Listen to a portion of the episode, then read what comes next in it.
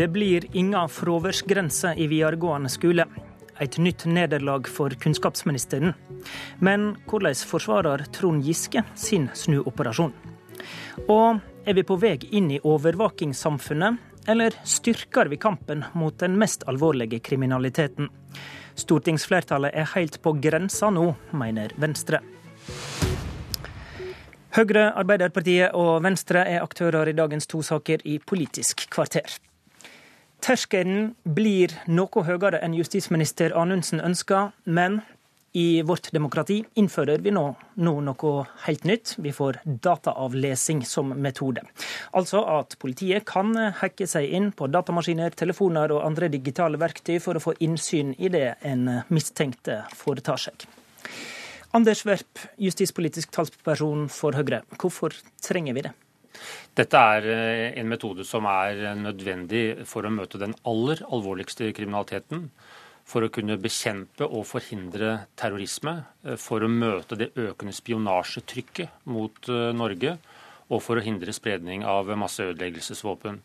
Fordi teknologien har skapt nye og store lovtomme rom som de kriminelle eh, og jeg vil si fiendene av demokratiet, de som vil bekjempe demokratiet, eh, benytter seg av. Det er kryptering i første rekke som har, eh, har skapt det. Og vi forventer av politiet at de skal skape trygghet i samfunnet. Politiet sier at de har ikke de mulighetene som de hadde pga. teknologien, og ber om å få dette ja, verktøyet, virkemidlet, nå. Eh, det, det, gir vi eh, politiet og PST, men vi rammer det tydelig inn og ivaretar eh, personvernet samtidig. Dette er altså den mest alvorlige kriminaliteten. Det er trusler mot rikets sikkerhet. Du mener den skal være forbeholdt det? Ja, det er det som er utgangspunktet.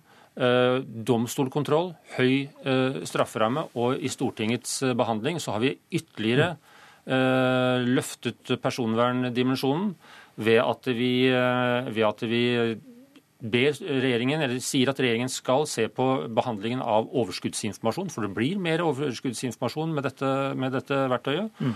og at vi begrenser bruken av eh, dataavlesning Eh, i forhold til regjeringens forslag. Begrensing. Hadia Tajik, leder i justiskomiteen fra Ap. Sammen med regjeringspartiene eh, har dere da, som Verp sier, moderert lovforslaget fra justisministeren noe når det gjelder dataavlesing. Hvor gikk det for langt? Altså, for det første så er dataavlesning en nødvendig metode for politiet. Det er realiteten i kriminalitetsbildet og teknologiutviklingen. Eh, men dette må man samtidig, da må man samtidig ivareta både rettssikkerhet og personvern. Eh, og det er to sider ved forslaget fra regjeringen som jeg mener at det eh, ikke er godt nok gjennomarbeida. Det ene er terskelen for når man skal ta dataavlesning i bruk. Nå hever vi det noe fra det som var regjeringens opprinnelige forslag om simpel narkotika, som betyr at hvis du da kjøper hasj til eget bruk, at man da skal kunne ha tilgang til iPaden, mobiltelefonen og alt det du har av, eh, av datakommunikasjon. Eh, at man hever det til, til grov narkotika. Eh, men eh, samtidig så har man fortsatt en ganske låg terskel for å ta i bruk dataavlesning til forebyggende eh, politiarbeid. Og bare for å gi mm. et, et, konkret eksempel på det, så med deres forslag så gir man Politiets sikkerhetstjeneste anledning til å bruke dataavlesning forebyggende for å forebygge trusler mot myndighetspersoner.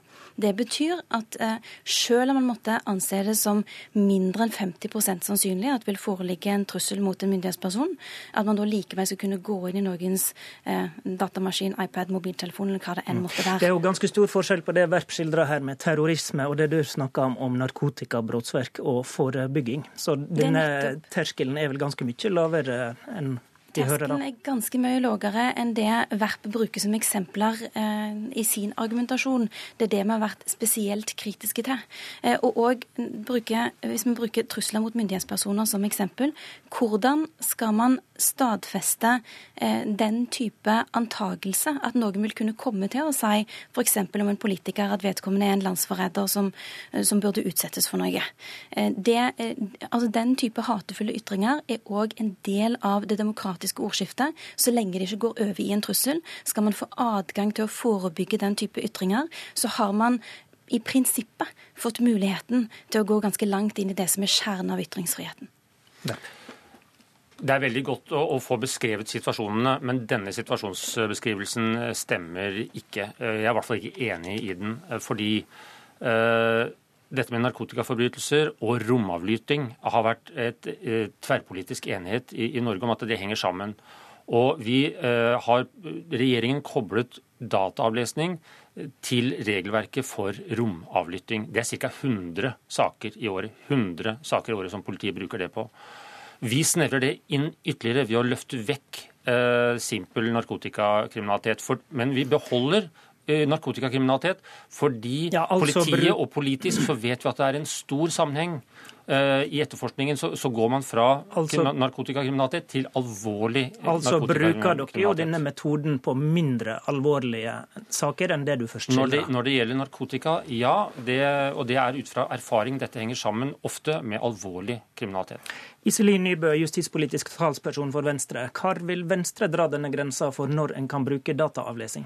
Ja, jeg synes jo Det vi har eh, hørt til nå, viser jo hvor vanskelig dette er med grensedragning. Og viser jo hvordan sånne ting Så dette hele veien sklir.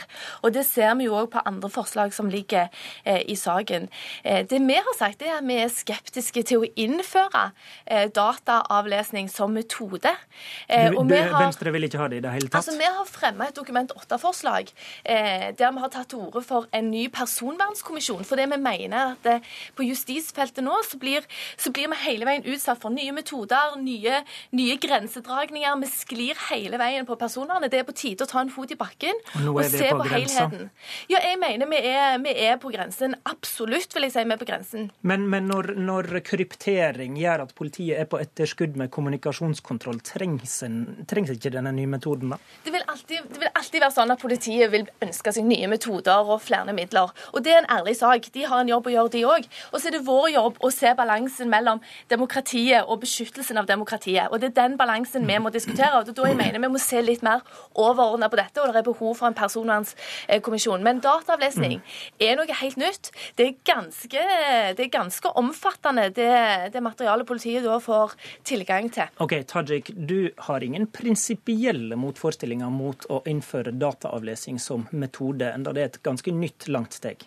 Jeg mener at dataavlesning er altså, et naturlig skritt å gå videre. Fordi eh, det er realiteten i kriminalitetsbildet. At man kommuniserer og avtaler ikke lenger kriminelle handlinger eh, bare på telefon eh, eller ved å uttale noe i et rom. Eh, Bl.a. krypterte metoder gjør det nødvendig for politiet å kunne ta i bruk dataavlesning. Men vi mener at det er nødvendig både å diskutere terskelen, som vi har vært inne på nå, eh, men òg å diskutere kontrollmetodikkene her. Og I forslaget fra regjeringen så har man tatt for seg det som handler om kontrollen av jussen. Altså ved å gi eh, kontrollutvalget noe mer midler og ansvar for å følge opp dette. Men man har ikke sagt noe om kontrollen med programvaren og metodikken som okay, politiet skal bruke. Antyder, det er ikke tilfredsstillende. Da antyder du en redsel for at det kan ligge an til uh, misbruk. Verp, kan du tenke deg tilfeller der tilgangen til disse metodene kan bli misbrukt? Vi, vi, stoler på politiet og PST for å ivareta vår trygghet og vår sikkerhet og rikets sikkerhet. Og jeg har ingen indikasjoner eller mistro til at politiet vil misbruke det. Men du, men, du, må jo lage et lovverk som står det, seg ja. i, i, for alle situasjoner? Det gjør vi, og det er ivaretatt. Det eh, Tajik tar opp med Kommunikasjonskontrollutvalget det er ivaretatt både av proposisjonen og i, i merknadene. Så til, så til, Venstre, fordi de aller fleste overvåkningsmetodene kom i 2005 med Venstre som hadde justisministeren.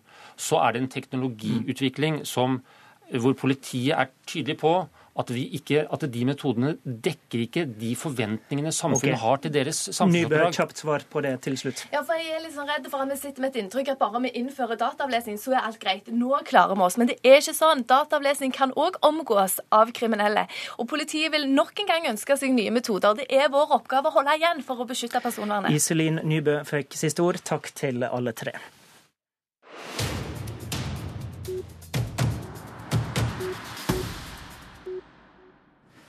På gruppemøtet i går bestemte Arbeiderpartiet seg for å støtte et SV-forslag, og dermed avvise kunnskapsministerens fraværsgrense på 10% som skulle bli innført for videregående elever til høsten. Dermed står regjeringspartiene alene, og det blir ingen nasjonal fraværsgrense.